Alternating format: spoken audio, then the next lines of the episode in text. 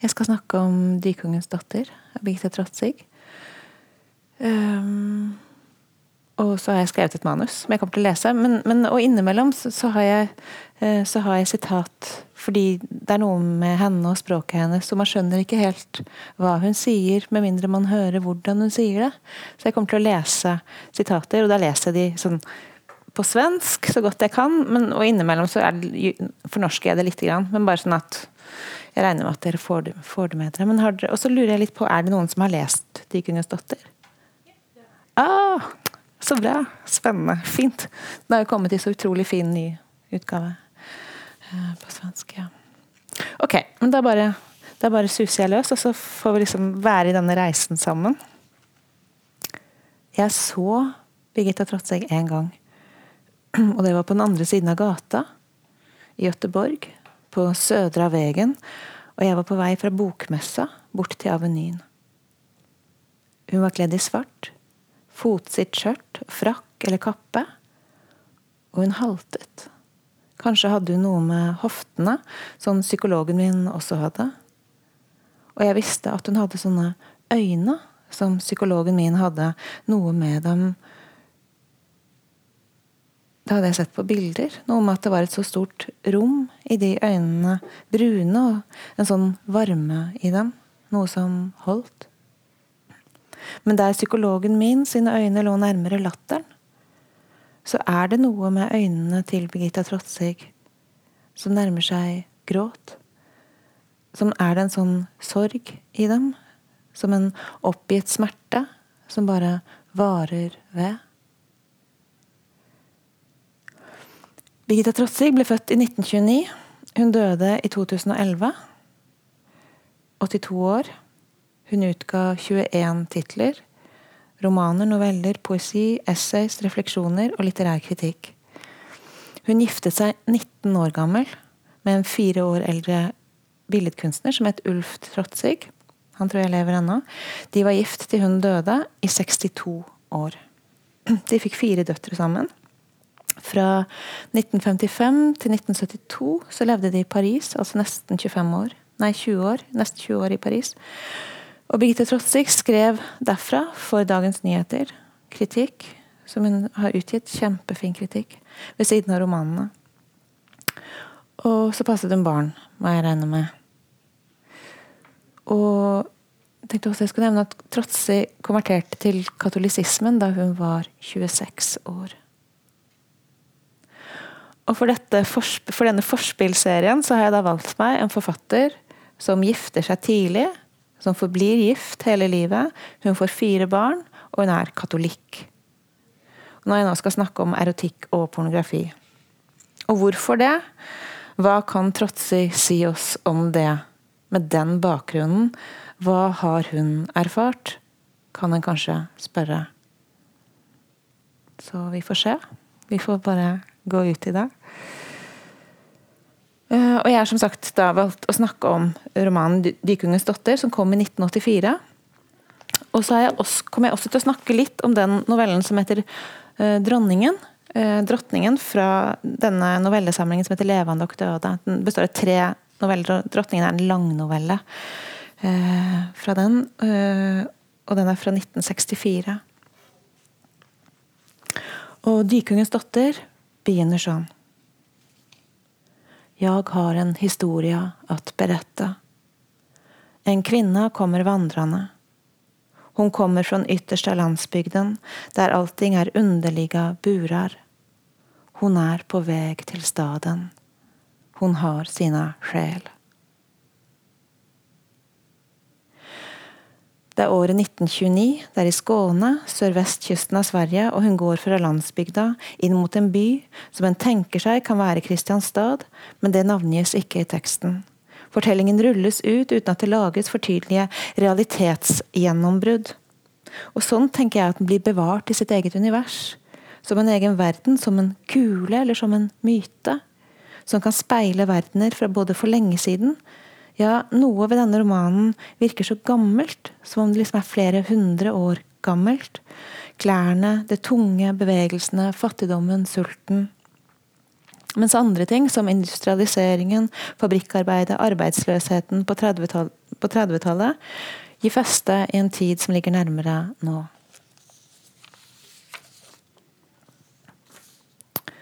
Ja, en gang en sommermorgen i det forflutne kommer en kvinne vandrende over de høye bakkerne ved havet.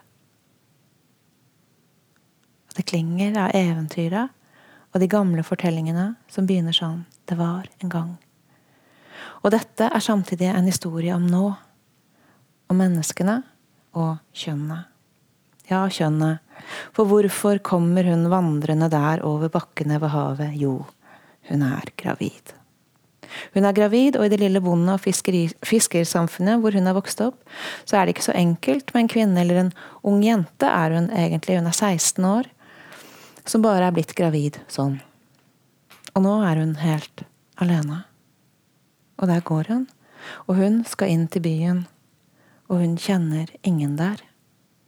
Og hun kan ikke bli der hun var heller. Og nå bare går hun der, i lyngen. Hvordan kunne det skje? Hvordan kunne hun bli gravid sånn, når hun visste hva det ville innebære? De visste jo det, kvinnene den gangen. Lenge før p-pillen, angrepillen og fri abort. Hallo! Og det hendte henne dette. Det ble sent en høst eller tidlig vinter, hvilket man vil. En fuktig, blåsig dag led mot sitt slut, det skimde redan. Da møtte hun i dungen på vei opp fra sjøen en mann. Det var en som på siste tiden viset seg i trakten, hun visste hva han var av sort. Han var mørklagd på tattarvis. Øynene hadde et særskilt lysende uttrykk. En olykkelig menneske på det settet at kjønnet i honom tok all plass og jagade alle andre känslor ut i vrårna. Det drev honom hit og styrde honom dit. Alt annet ble oförnimbart og dødt for honom.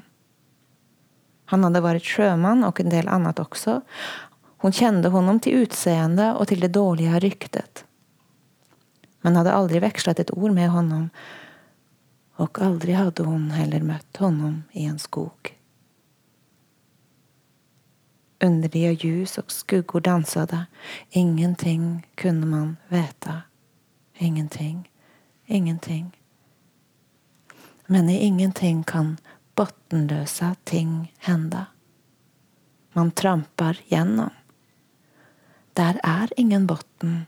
Der er en ny verd hvor langt som helst. Man stiger opp fra det tilbøkede løvtekket som en ny menneske. Et helt nytt liv. Alt er annorlunda. Og hun kom ut fra denne skogen erfarenhet rikere. Hun, visste nå noe om seg selv som hun ikke vetat forut, nemlig at i visse belysninger i skogen faller alt man vet om seg selv sønder, byter gestalt. Så underlig. Det delade seg nesten det samme i två liv. Det ene, det vanlige, sløt seg som en blank vattenyta några glidande ringar så var allt som vanligt igen. Hon hann inte engangs ångra sig. Så mindes hon ingenting mer. Men därunder fanns det som styrde henne. Det kändes inte. Men det var obevekligt. Så i skymningen dag, dagen därpå styrde hennes steg henne mot delden i skogsdungen igjen. Obevek verkliga. Så hopper jeg litt. Men når alt om igjen var over, og hun lyfte blikken mot mannen som reiste seg ur det dyga vintergreset, og blundade, luta, blundande lutade seg mot klibbalens svarta stam. Da så hun jo at det var en som hun aldri ved sina sinnen skulle vilja haft noe å gjøre med. Ansiktet var dy, klederne svarte avskavninger. Men hva menes med å vara ved sine sinnen?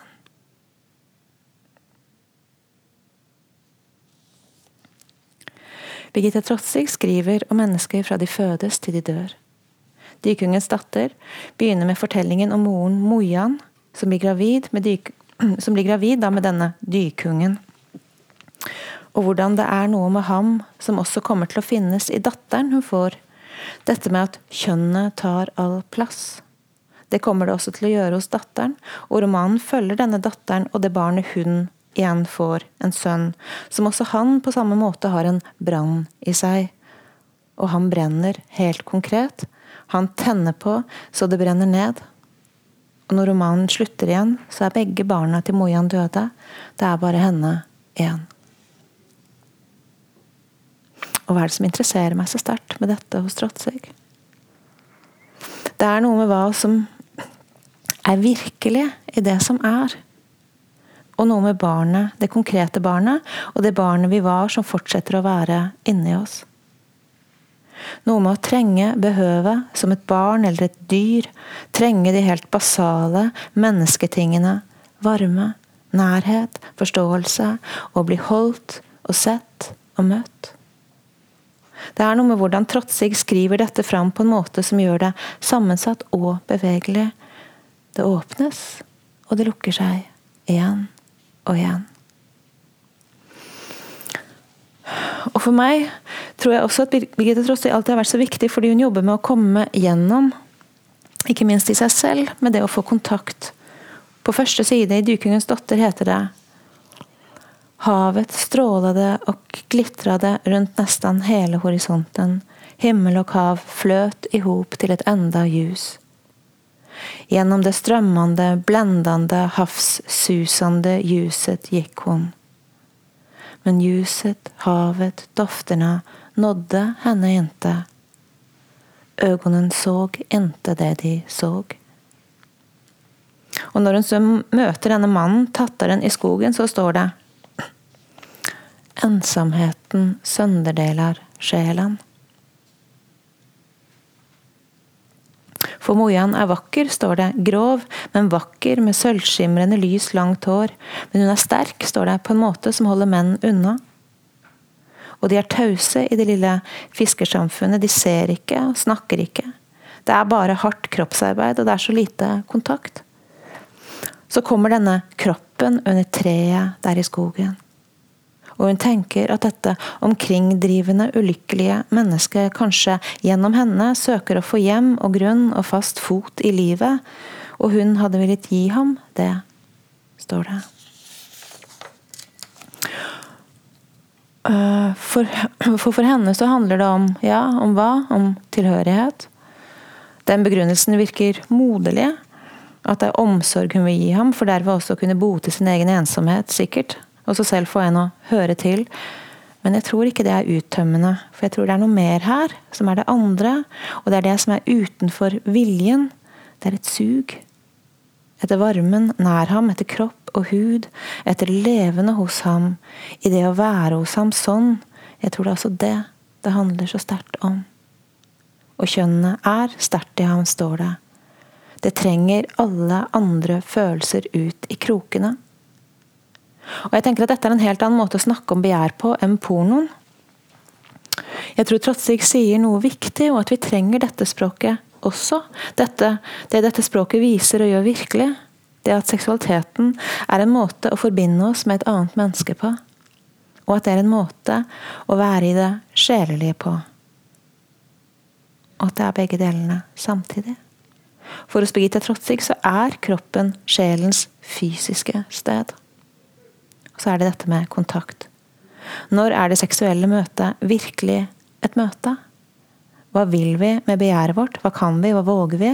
Å ta med oss inn i det å kle oss nakne og ha sex, som også er en måte å si det på. Hos Trotzig så aktualiserer seksualiteten dype og fortrengte følelser. Hun skriver bl.a. om incestuøse søskenforhold. Nå bare liksom nevner jeg noen sånne i forskjellige bøker. Det, hun gjør ikke alt dette i 'Dykungens datter', men i de forskjellige. Om incestuøse søskenforhold i en berettelse fra kusten. Om en onkel som elsker sin nevø. Om incestuøse drag i en storesøsters kjærlighet til sin yngre bror. Det er, det som skjer i, det er blant annet det som er i 'Drottningen', den novellen. Om et forhold hvor mannen er 40 år eldre enn jenta. Men det er men det som er interessant hos Trotsvig, er at det er ikke avviket i seg selv som er det viktige. Det viktige er det andre, det under. Et sted kaller en mann sin kone de mest nedrige ting for å kunne holde følelsene sine borte mens de ligger med hverandre. Og en annen roman er det å begi seg ut i seksualakten forbundet med skrekk for å oppgi selve, eller seg selv. Og jeg tenker at Dette er en måte å forholde seg til det seksuelle på som er milevis unna TV-programmet Trekant, hvor seksualitet og lyst ses på som handlinger, som noe vi gjør på linje med andre ting. Jeg tenker også Hos Trotsig så er, det det, er det det eksistensielle i det seksuelle møtet hele tiden til stede. Vi kler av oss, vi kommer nær et annet menneske. Og det er som kropper og hud, og det er en virkelighet der som når oss, eller ikke når oss. Som er av en helt annen karakter i oss enn det oppreiste dagmennesket i oss. Og at det også er å være menneske. Det å være der. Ja, Birgitte Trossi knytter seksualiteten til behovssiden, tenker jeg, i mennesket, i motsetning til håndteringssiden. Behovene er steder i oss og virker i oss på måter vi ikke helt har oversikt over eller innsikt i. Ikke helt makt eller kontroll. De er dette hjelpeløse, avmektige, glidende, sviktende underlagsstedet i oss. De er det stedet som ungdomsprogrammet Trekant, men også paradoksalt nok pornoen, later som ikke finnes, ikke er. For det er stedet hvor vi håndterer. Men dette faller ned i mørket i oss. At det skjer, og fortsetter å skje, inn i skogen. Jeg tenker at Det er det vi nesten ikke klarer å romme. At hele samfunnsmaskineriet vårt er bygget på en illusjon om at det er mulig ikke å falle mer. Og det er her Birgitte Trotsig ser rett inn i mørket, inn i dyreøyet. Inn i det som lukter og smasker og renner og drar. Og det er ikke staselige orgasmer hun skildrer, selv om det noen steder virker så helt intenst livgivende at disse menneskene endelig får komme en annen nær. Sånn spedbarnet trenger og trenger å få være hud mot annen hud og varme i varme. Sånn skriver hun om Mojan, som har satt alt inn på klare seg som arbeiderske på fabrikken. Hun jobber på Ylland, på ullfabrikken. Står ved en spole i støyen og støvet hele dagen og passer på at trådene ikke går av. Og Om kveldene så jobber hun ekstra, vasker gulv på et kontor.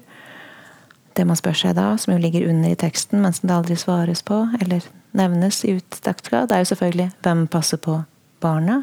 Hvor er barna? Mens hun først er på fabrikken, og så er hun og jobber ekstra om kvelden. Det fortsetter hun med helt opp i nåtid. Og da er det fremmedarbeiderne og immigrantene vasker ved siden av om natten. De aller nederste. Mojan, som, som, jobber og jobber for å klare seg og leve et, i hvert fall på utsiden, aktverdig liv. Gang på gang klarer hun ikke la være å åpne for og ta kontakt med dykungen. Den mørke tattaren, faren til barnet hennes. Han som tar henne inn til en varme i seg, og kanskje like mye inn til en varme i henne selv. Når hun er med ham, får hun være et sted i seg som hun ellers ikke har tilgang til. Selv om hun vet hva det kan innebære, og det gjør det jo også, enda en gang, og da tar hun abort. Illegalt og dyrt, men det er dette med varmen, det andre stedet, at det er der det er, det levende. Moderen sov på en madrass på gulvet, det hadde hun bestemt seg for. Men hva hjelpte det? Han fikk til slutt alltid opp henne i sengen i alle fall, hvor fast hun hadde besluttet seg. Det var som om hun var med honom på en ø. En selvsamt stengt verd bildades. I stedet for henne selv, i hennes stelle, steg en annen varelse fram. Større, sterkere. Denne andre ville sjunka det var i en dröm allt hände.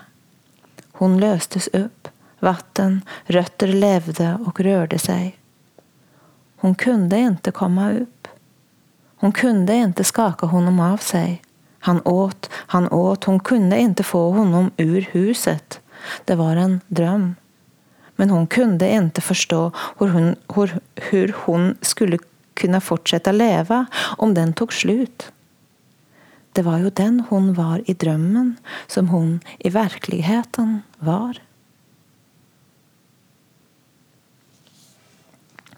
For en stund siden møtte jeg en mann som ville at jeg skulle ta kvelertak på ham mens vi holdt på. Legge hendene mine rundt halsen hans og virkelig klemme til. Han trengte det, sa han, for at det skulle bli sterkt nok for han, sånn at han kom. Orgasmen kalles jo også mort, den lille døden. døden. Og han trengte tydeligvis at det ble helt konkret liksom-farlig, en nesten virkelig død. Orgasmen som død kan jo også forstås og erfares på helt andre måter eller nivå ved at det er overgivelsen ved døden, det å gi seg hen eller slippe kontrollen, la seg drive med, jeget i deg dør fordi du, fordi du i den stunden bare er, eller det kjennes som du ikke er mer heller, du bare oppløses. Fysiologisk er det nær forbindelse mellom redsel, redsel og skrekk og lyst eller og seksuelt begjær. De to redselskrekken og lysten. At den aktiveringen som skjer i kroppen, ligner nevrologisk så mye eh, lysten eller begjæret at det nærmest er, er, er, i fortolkningen at det avgjøres om det er det ene eller det andre.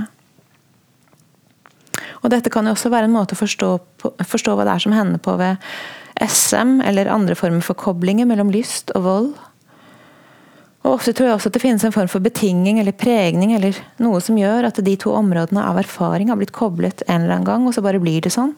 Så noe du ikke forstår eller vet hva du skal gjøre noe med. At det bare er sånn du tenner, det du tenner på, det som også gjør vondt. Og så blandes lysten og smerten. Og denne måten å tenke seksualitet på som et blindt driv som hamrer gjennom kroppene våre, og som vi lever ut her og der, som vi kan, alene eller sammen, det er en måte å tenke seksualiteten på som ligger nær pornografien. Hvor det er det ytre som vektlegges. Pornografien er voyeurens eller kikkerens. Den dyrker fetisjen og objektet. Pornofilmene viser endeløst det samme. I repetisjon med variasjoner av diverse art. Kjønnsorganer. Det å knulle, runke, suge og slikke og det å komme. Pornoen beveger seg i overflaten. Den er en plate. Den vil og skal ikke lenger ned eller lenger inn. Da tenker jeg at hos Drotzig så ser øyet etter noe annet, etter noe indre. Dykungen knuller rundt der han kan med dette kjønnet sitt, som er så sterkt i ham. Og datteren hans, denne datteren, den dyktige, dyktige, dyktige og dydige Moian får med ham når hun er 16 eller så vidt 17, som har hans trekk. Hun er mørk og vill. Hun arver jo også dette sterke kjønnet. Og datteren ender med å knulle rundt, hun også. Står på dansegulvet. Jeg ser for meg et sånt svensk åttekantet, overbygget dansegulv ute mellom bjørketrærne i en forsommerskog. Men også om høsten står hun der, om vinteren, om våren, og gir seg til alle, gang på gang, til hvem som vil ha. Og hvordan skjer det, og hvordan blir det sånn?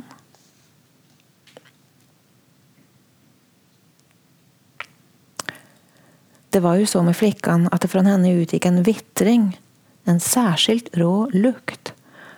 Den kjente alle på så sett den, En særskilt rå lukt, den kjente alle på så sett oppfattet hennes kjønn like tydelig som om det var et synligt blottat.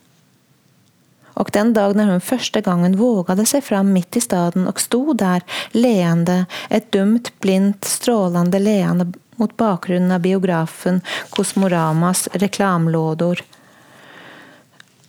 Da råkade hun virkelig i ulykka. Hun ble den kvelden bjuden på fest, et slags fest. Men før dette så skjedde det noe annet. Og det var dette her. En morgen ble hun sendt i et ærende. Gryningen steg just inn gjennom fabrikkhallens høyt sittende fønster. Hun drog en transportkjerre med kartonger den knalliga isvägen fram. Vid horisonten liksom brann det. Hun såg da en gestalt, men det var langt bort.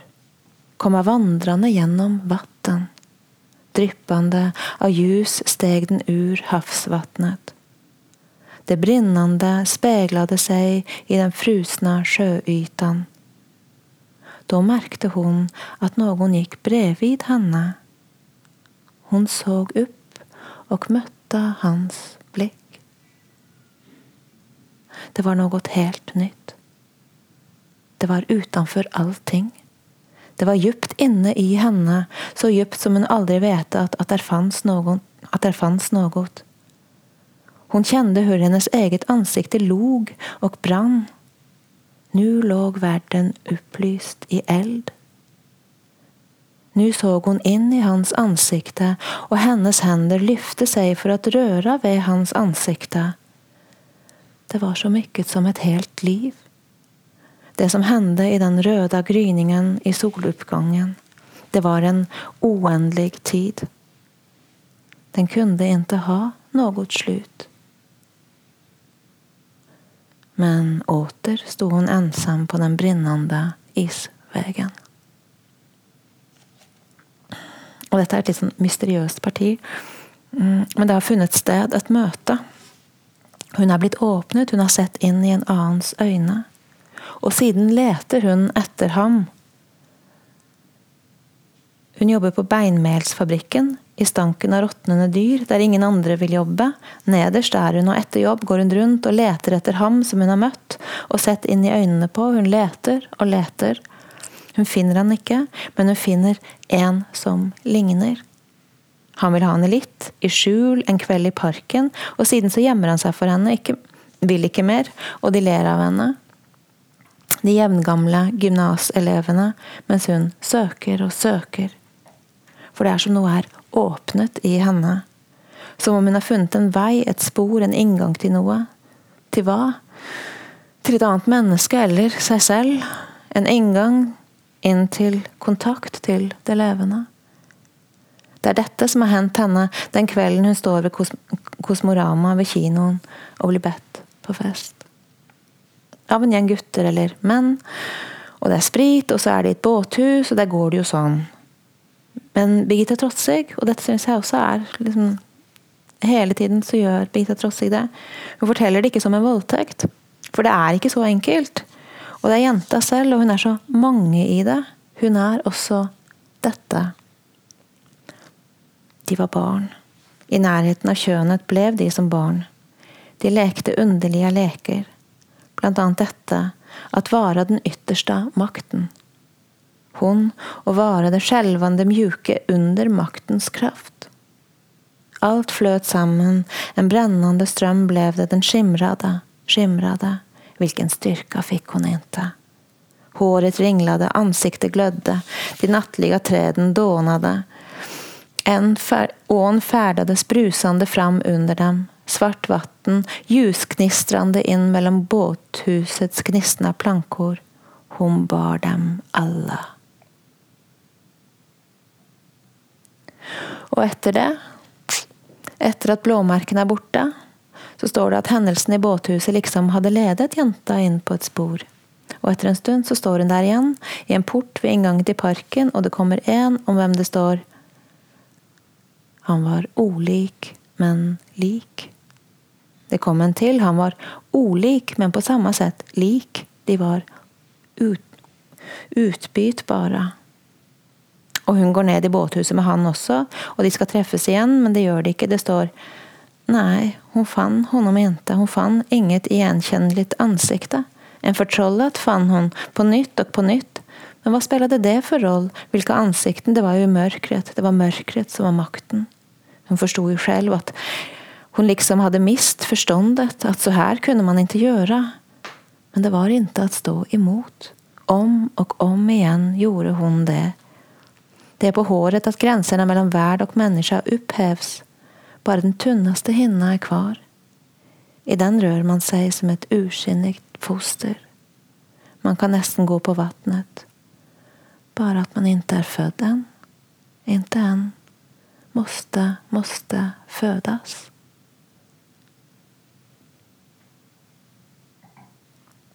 Hvem var det jenta møtte? Det første møtet der i soloppgangen ved det isete vinterhavet. Var det et annet menneske, eller var det Jesus? Det å ha sett inn i disse øynene var en så overskridende erfaring for henne at hun blir ved med å lete etter de øynene. Lete etter det møtet i alle andre øyne, alle andre møter siden. Og de ligner, men de er utbyttbare. De er ikke som de første, kanskje var det Jesus, Gud, men det som ligner, det finnes. Og sånn kan vi se Gud i alle menneskers øyne. Og sånn kan seksualiteten, det å søke seg inn inn mot en annens kropp, hos Trotsig, også leses som det å søke seg inn mot det guddommelige i mennesket. Det stedet i oss der vi er og blir levende. Og kan det hende at det også er dette som skjer i pornografien? Vi søker etter det egentlige møtet, etter forløsning, om enn som utløsning. Vi søker etter å gi oss hen og bli tatt imot. På et eller annet nivå så handler det jo om å tre i forhold. Ta kuken min i munnen din og sug den. Gjør noe med meg, ta på meg, ta meg inn i deg. Og det som skjer, det ligner. Det ligner et møte i prostitusjonen. Du betaler, det er et annet menneske der. Men så er det nettopp derfor ikke et møte likevel. Det er ikke det første, det egentlige. Og kanskje er det akkurat det du vil slippe. Du vil slippe å utsette deg for de følelsene For de følelsene det innebærer å være i et virkelig møte. Så du betaler, og får noe som ligner. Kanskje er du bare kåt, sier du, og vil ha utløsning. Men grunnfiguren i dette møtet, samme hva Nei, nå leser jeg feil her. Grunnfiguren i dette er møtet, samme hva. Og så kan det møtet være himmelen, det kan være å komme hjem, men det kan også være å miste enda en gang. Sånn at du ikke orker til slutt å tro. Og så lar du være å ville noe mer, og la være å kjenne ned i det som rører seg i deg selv når du ser en annen vei i skyggene når du sover om natten. Og ikke åpne dit, og ikke la det være viktig. Ikke la ikke la det trekke deg ned i dypet av deg selv. Det er også en måte å beskytte seg på. Men for jenta, for dykungens datter, i romanen, så er det sånn laget at hun går under i det. Hun har ikke måter å være i verden på som kan beskytte henne, eller gi det hun søker, en form som gjør at hun ikke så lett blir utsatt og brukt. Men det er også noe med hvordan Trotsi skriver som pirker borti hva det vil si å beskytte seg som dytter i hva, som, hva vi på en måte oppfatter som er som godt for oss, og på hvilken måte. For er nå egentlig det livet Mojan lever, som sliteske på fabrikken i 28 år, med vaskejobb om kvelden uh, Og etter fabrikken, når hun er ferdig der, så fortsetter hun også å vaske om natta. Etter at hun har nådd pensjonsalderen. Og er nå egentlig det livet mer attråverdig enn det livet datteren, dykungens datter, lever blant uteliggere og fordrukne under båter om vinteren ved en eller annen båthavn i Stockholm.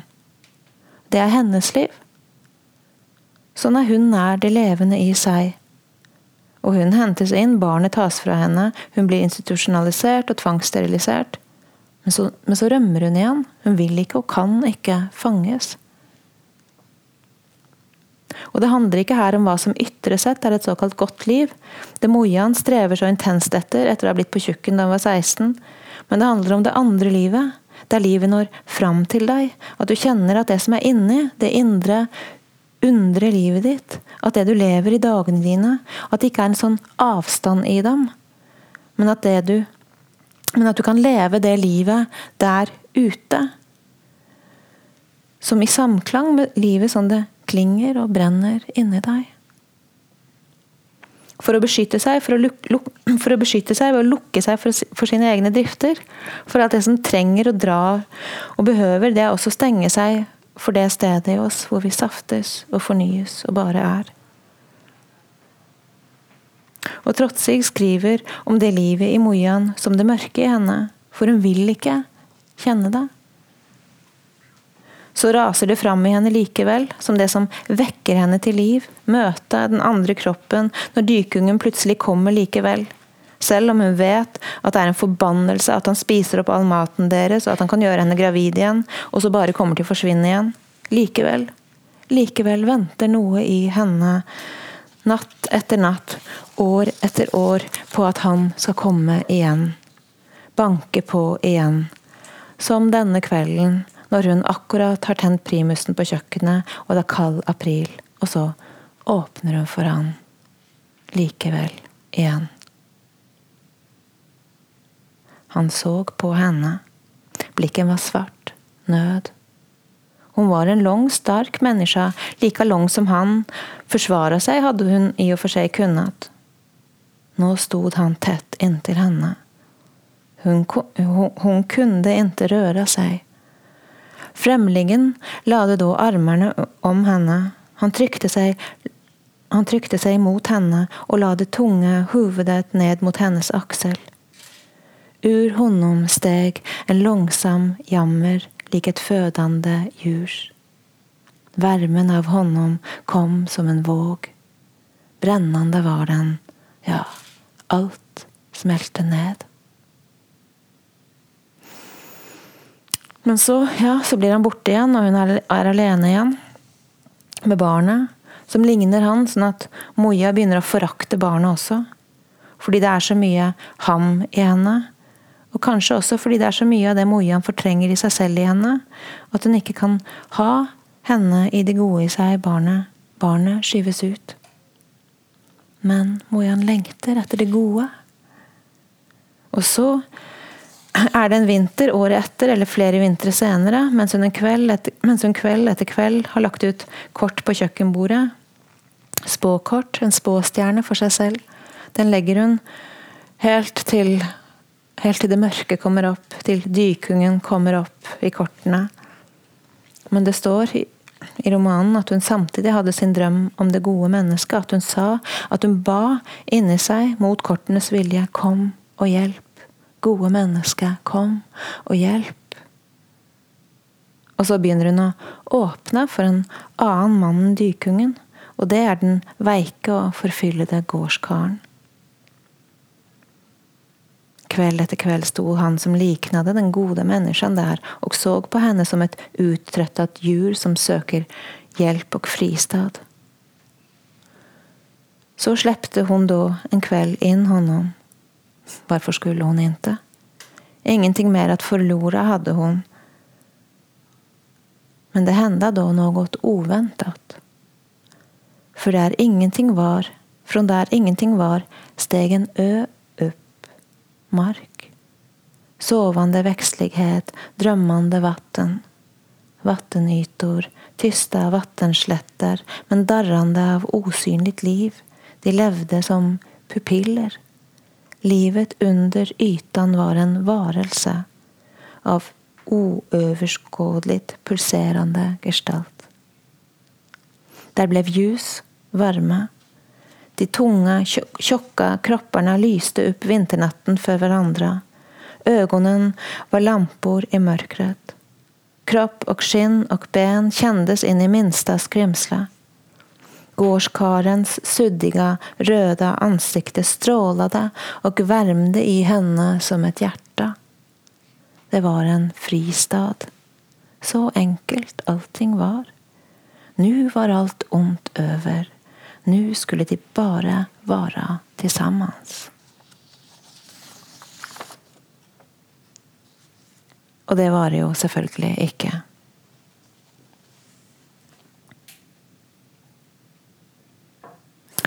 Og beskyttelse Hva er det som holder oss og holder om oss? Holder oss sammen og holder oss oppe? Kroppen er vårt fysiske sted i verden, og rundt kroppen er rommet, som også er huset, hjemmet, hjemme. Rommet er som en kropp rundt kroppen. Det passer på. Huset er ikke bare en bolig, det er også et eksistensielt sted. Og i 30-tallsromanene til Jean, Jean Race, eh, eh, blant annet den som heter 'After Leaving Mr. McKenzie' og 'Good Morning Midnight', så skriver Reece om kvinner som lever på ulike pensjonatrom i Paris. Og det er så tydelig der hvordan rommet er det eneste de har, disse kvinnene rundt seg. Men også Walter Benjamin holder på med dette når han snakker om byrommet i Paris, og det er særlig passasjene, hvordan de holder om og holder rundt. Hos Trotsig så er det sånn at, at rommet eller stedet eller hjemmet det kan være en beskyttelse. For noen av personene så er det det. For Mojan så er det hele tiden beskrevet gjennom romanen hvordan hun bor, og at hun bor, og hvordan hun sliter for å betale leia. Først bor hun på kjøkkenet i en kjeller hos en gammel enke, og enka dør, og Mojan overtar rommet som enka hadde, men også hele husleia. Og siden flytter hun opp i lyset, hun får blomster i vinduet. Rommene, rommene. Der er det også en dør i et rom, og denne døren står hun bak Mojan når han banker på dykungen, og som en gang på gang til slutt åpner for den døra. Men døra fins der, og hun har et slags valg. En mulighet for beskyttelse. Og samtidig så er rommet også det stedet der de kan nås av den andre. Så de ikke blir borte for hverandre. Rommet gir dem et sted. Så de kan finnes og bli funnet. Og Lydia, i Viktors polske, Viktors polske lille kone som han finner og får og klynger seg til årene i Amerika, i den novellen i, i, i 'Drottningen', den novellen. Også Lydia har et rom og samme hvor lite penger hun har, så holder hun fast på dette rommet i Brooklyn i New York. Men hyran var alltid kvar, og hyran måtte betalas. Hon fick, hon fick inte vika från rummet. Da skulle han jo aldri finne henne mer. Så sålde hun da tilfeldigvis og i nødläge sin kropp. Det var bare når det gjaldt hyran hun gikk der hen, aldri for å skaffe seg noe for seg selv, at ete til eksempel. Hellre dog hun av svelt, visste hun. Men rommet var jo noe annet og mer enn mat. Det måtte reddes til hvilket pris som helst. Noe annet og mer enn mat. Og hvis du da ikke klarer å være en sånn som har et rom, av en eller annen grunn at det med rom ikke fungerer, at du bare er laget, født, skrudd sammen, eller noe har hendt med deg på en måte som gjør at du bare faller ut av det, løsner og glir ut, bort. Ikke vil holdes sånn, ikke kan. Må holdes, men annerledes. Og jeg tenker at dette er dykungens og dykungens datters og Viktors liv. De må bare helt inntil, helt inn. Det er som om veggene ikke er levende nok for dem. De må helt inn til den andre kroppen, helt inn i varmen, nær den andre og nær seg selv. De må være i det trengende, i kjønnet i seg. Og dykungen er uteligger, han sover her og der, og datteren også sover der hun kan, helst under båter, sånn som jeg sa, og inntil hvem som helst. Det er ikke noen vegger som holder. Og Viktor driver til og fra, iblant hos Lydia i rommet, og så bort igjen. Noen kan være i rommet og la seg beskytte sånn, la seg holde, så andre kan bare ikke det. Og så er det det med barnet. Barnet skyves ut. Ty kjønnet er barnet i menneskens liv, etende, rasende, formende. Ropet på hjelp det er rått og enkelt som de nyfødda skrik. Og det fins jo en ålder i livet, en barnålder, som ligger under all voksenhet, og der kjønet er uten ansiktet. Det vil ikke se ansikten, det vil ikke se, det vil være.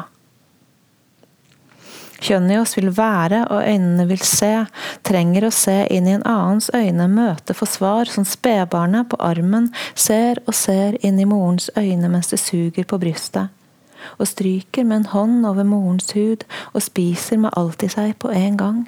Spiser med munnen, med øynene, med hånden der mot huden.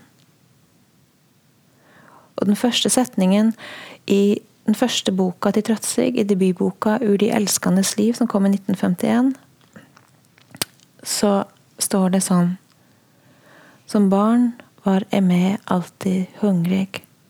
Emé Mer på fransk betyr å elske. Altså elske og spise. Ta hverandre og verden inn i oss, bli del av den og med den og henge sammen og høre til.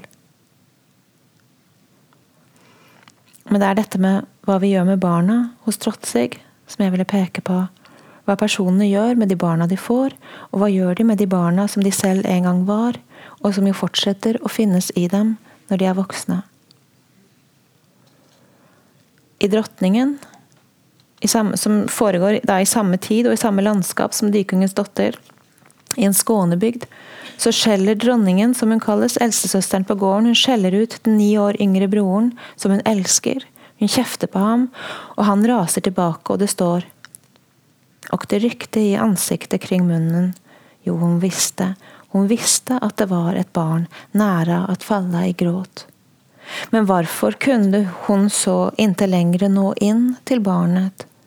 Hvorfor var det så lenge siden hun rørte barnets kinn og munn? varifrån det stenhårda, hemska stengda?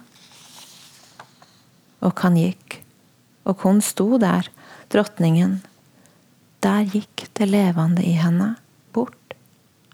Og hun sto som en skugga orørlig i kjøket, lyfte handen til kinden, skugga og sten, vind og klagan. Nu, nu dog hun, kjente hun. Så barnet i barnet, og barnet i den andre, og i oss selv. Og jeg tenker på hvordan alle disse speiler og kaller hverandre fram, men også får oss til å skyve bort og tilbake. Det som gjør for vondt, det vi ikke vil ha, det som ikke passer med sånn vi har bestemt oss for å ha det, sånn vi kan tillate oss å ha det. Fordi det barnet vi selv en gang var, måtte, vi holde, måtte holde unna seg selv for ikke å vekke vrede, avvisning, avsky. Så vil ikke vi at det klagende barnet i oss selv skal vekkes til live, kalles fram i oss, og dette nye, ytre barnet som står der og trenger, fordi det gjør at vi kjenner hvor mye vi selv en gang trengte, som vi ikke fikk lov til å kjenne da, ikke kunne. Og å kjenne det nå, kjenne våre egne behov nå, når de en gang var livsfarlige, for sånn kjentes avvisningen, de ble, avvisningen de ble møtt med som død. Å kjenne det nå, det er nesten umulig, og så skyver vi heller barnet bort barnet der ute, det som vekker det indre barnet i oss. Bort med det. Bort. Bort. Borte. Og så er Viktor denne lillebroren som dronningen er så glad i. Han er også en sånn som kjønnet er sterkt i. Og han ligger med jentene rundt om i bygdene. Og først er det en som blir gravid. Hun er, hun er vel bare 14. Hun drukner seg, og så er det en annen, og hun beholder barnet. Og Viktor drar eller blir etter hvert sendt til Amerika, men Judith, dronningen, går for å besøke denne jenta til barnet. Jenta med dette barnet og gi noen klær, og når hun kommer inn til dem der i gården på kjøkkenet og ser barnet, så står det Hun påminner Judith dunkelt om noen ting, noe välbekant. som at stiga inn i sin egen hud. Og med ens forstod hun at det var henne selv flickan liknade. Judith får ikke lov av familien til, til jenta til å ha noen kontakt med barnet, men noen år senere, tre-fire år, så ser hun henne igjen på butikken om vinteren. Hun, hun plasseres, Denne jenta plasseres av bestemoren på en spark. Og det ser Judith. Og natten etter dette, at hun har sett denne jenta på denne sparken, så drømmer Judith følgende. Flickan lekte med en boll. Så kom hun for at drottningen skulle leka med, kom upp i kneet for at smekas, höll armarna hårt om drottningen, drottningens hals. Om og om igjen kom barnet til henne i drømmen. På det settet ble drømmerne om natten det egentlige, virkelige. Det om dagen var bare tomt. Hvilket barn er det som kommer til dronningen i drømmen? Er det Viktors datter, som hun så vidt har sett? Eller er det henne selv, barnet i henne, som hun hadde gjenkjent der i kjøkkenet i den andres ansikt? Barnet, det i henne som vil tine og mykne henne, få henne ut av forsteiningen, nå fram til henne så hun blir levende igjen.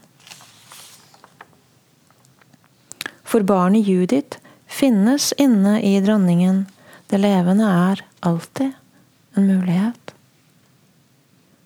Men det levende kan også forgå. Som det ofte gjør hos Trotsig, og som dykungens datter, har dette andre i seg som fører henne ut i livet under båtene og inn under nærmest enhver mann som vil ha henne der. Og sønnen hennes igjen ender med å bli pyroman han tenner på. Til slutt så tenner han på den ungdomsanstalten der han selv opplevde seg som fange, og så Til slutt i romanen så skytes han av politiet på isen om vinteren, når de går mot ham med hunder. Eh, mot den bunkersen hvor han har forskanset seg med sovepose, mat og ammunisjon. Og sånn kan Eller på dette veldig dype planet så kan denne fortellingen om ham kalle fram vil jeg påstå, en hendelse i vår egen tid, og vår egen nære virkelighet, altså Utøya og ABB. Ja, det var noen digresjon. Men det er noe tungt over tekstene til Trotsig. De er eksistensielle med nesten deterministisk hang, og det er det maktesløse i menneskene som får mest plass. Selv Mojan i 'Dykungens datter', som er en gigantkraft i sitt eget liv og flytter seg langt, og hun klarer seg i det ytre, selv hun klarer seg likevel ikke. Hun svikter datteren ved å angi at hun er, at hun, til barnevernet at, at datteren har sønnen hos seg, og barnevernet kommer og tar sønnen. Og Mojas plan var at hun skulle gjøre det, sånn at hun selv skulle få kunne passe på sønnen. Men det får hun ikke. Hun får han ikke sånn som hun hadde tenkt, sånn som hun hadde håpet. At hun endelig skulle få ha et barn hos seg og nær seg igjen. For barnevernet ser jo henne utenfra. Og derfra, utenfra, så var hun jo selv en gang ei jente på tjukken. Og har fått denne datteren som ikke klarer å holde seg i tømme. Og hvem er da hun til å passe på et barn? Og så leveres gutten til fremmede og til andre på institusjon. Og det blir ikke nært og varmt og levende, det blir ensomt alene. Det blir ensomt og alene, død og dødt. Men det er dette med det deterministiske hos tekstene til Trotsig, At hun, hun skriver eh, i essayet 'Tornerose' i denne samlingen her, som heter 'Utkast og forslag' fra 1962, at sagaen, altså eventyret, men jeg tror at hun også åpner for fortellingen og legenden, som hennes egen, egen skriving er, så skriver hun, at, skriver hun her at i fortellingen i fortellingen så finnes ikke det menneskelige forstått som viljens sfære, det å kunne velge sitt liv. At Trotsi skriver at fortellingens verden er spent mellom skjebne og mirakel, og at mellom dem finnes ingenting. Og jeg må vel si at som menneske og forfatter selv, så blir jeg iblant fortvilet av nettopp dette ved Trotsiks tekster. Både fordi det virker så håpløst og forutbestemt alt.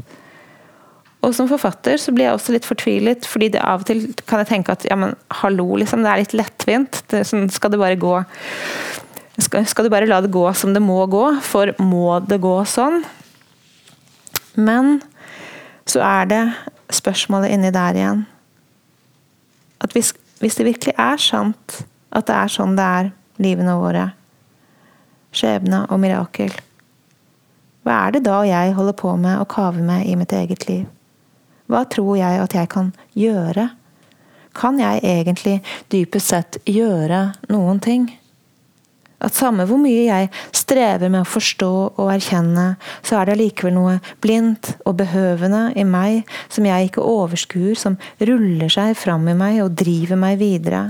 Til dit mitt liv har sin bestemmelse.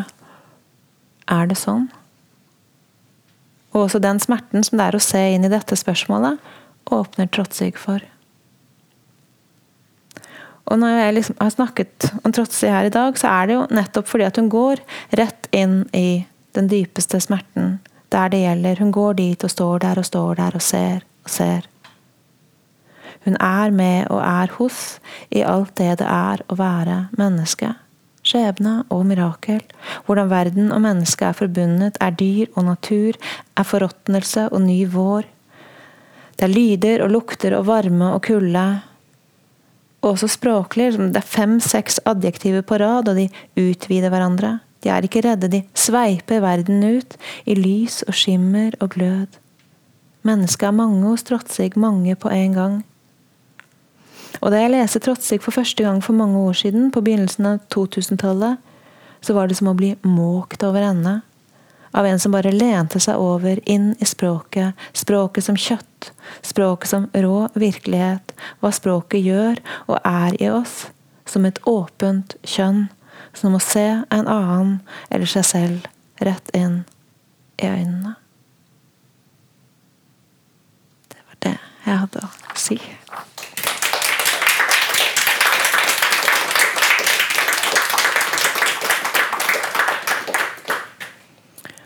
Og så, så syns jeg det hadde vært kjempespennende om vi kunne ha en liten samtale. Eller kanskje dere bare vil gå hjem. Men dere har jo lest romanen. Eh, er det noe liksom dere har lyst til å si?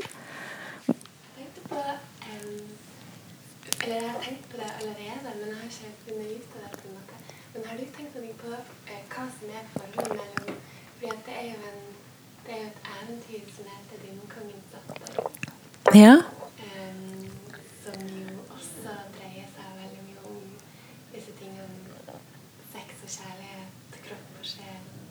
Jeg har ikke lest eventyret. Hvor, hvor er det hen? Det er hos Andersen. Er det det? Ja. Ja. Det må jeg lese. Ja. Ja. Men jeg har aldri på en måte skjønt hva som er jeg har aldri på en måte kommet helt til bunns i hva som er forholdet mellom den romanen og det eventyret. Men når du ikke har kommet til bunns i det, hva, hva, er det, hva er det du ikke har kommet til bunns i med det, liksom? Egentlig fordi at det er jo åpenbart en, det er jo åpenbart en kommentar til eventyret. Eller ikke en kommentar, men det er en sånn eh,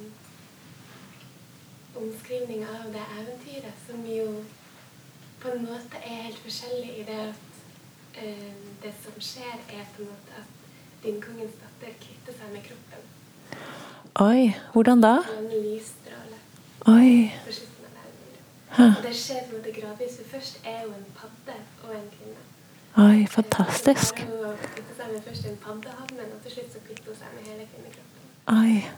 Så, så det går på en måte i en veldig motsatt, mens hos Birgitte Trotting så er det kanskje mer sånn Jeg vet ikke om, om den er konstant, den der Altså drar karakterene sine gjennom, gjennom myra, da, men Eller om det blir bare Jeg føler at det blir bare mer og mer, at det går bare um, dypere og dypere, eller De blir bare mer og mer kropp. Ja, ja, ja? Motsatt bevegelse, nesten. Tydeligvis, da, av, av det å bli en lysstråle. Ja. ja, men så spennende. Det er kjempespennende. Ja. fra akkurat det. Ja. ja, men det er jo veldig spennende. Men jeg, ja. Superspennende. Det, absolutt, det skal jeg absolutt lese. Så får jeg skrive et nytt foredrag.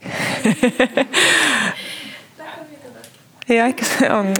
Takk for det. Det, ja, men det, det høres jo absolutt ut som, en, som et sted å fortsette denne samtalen. For det er mer og mer kropp, ja. For det å bli lys er jo det å kvitte seg med kroppen. Hva er det? Hvor blir det av seksualiteten da?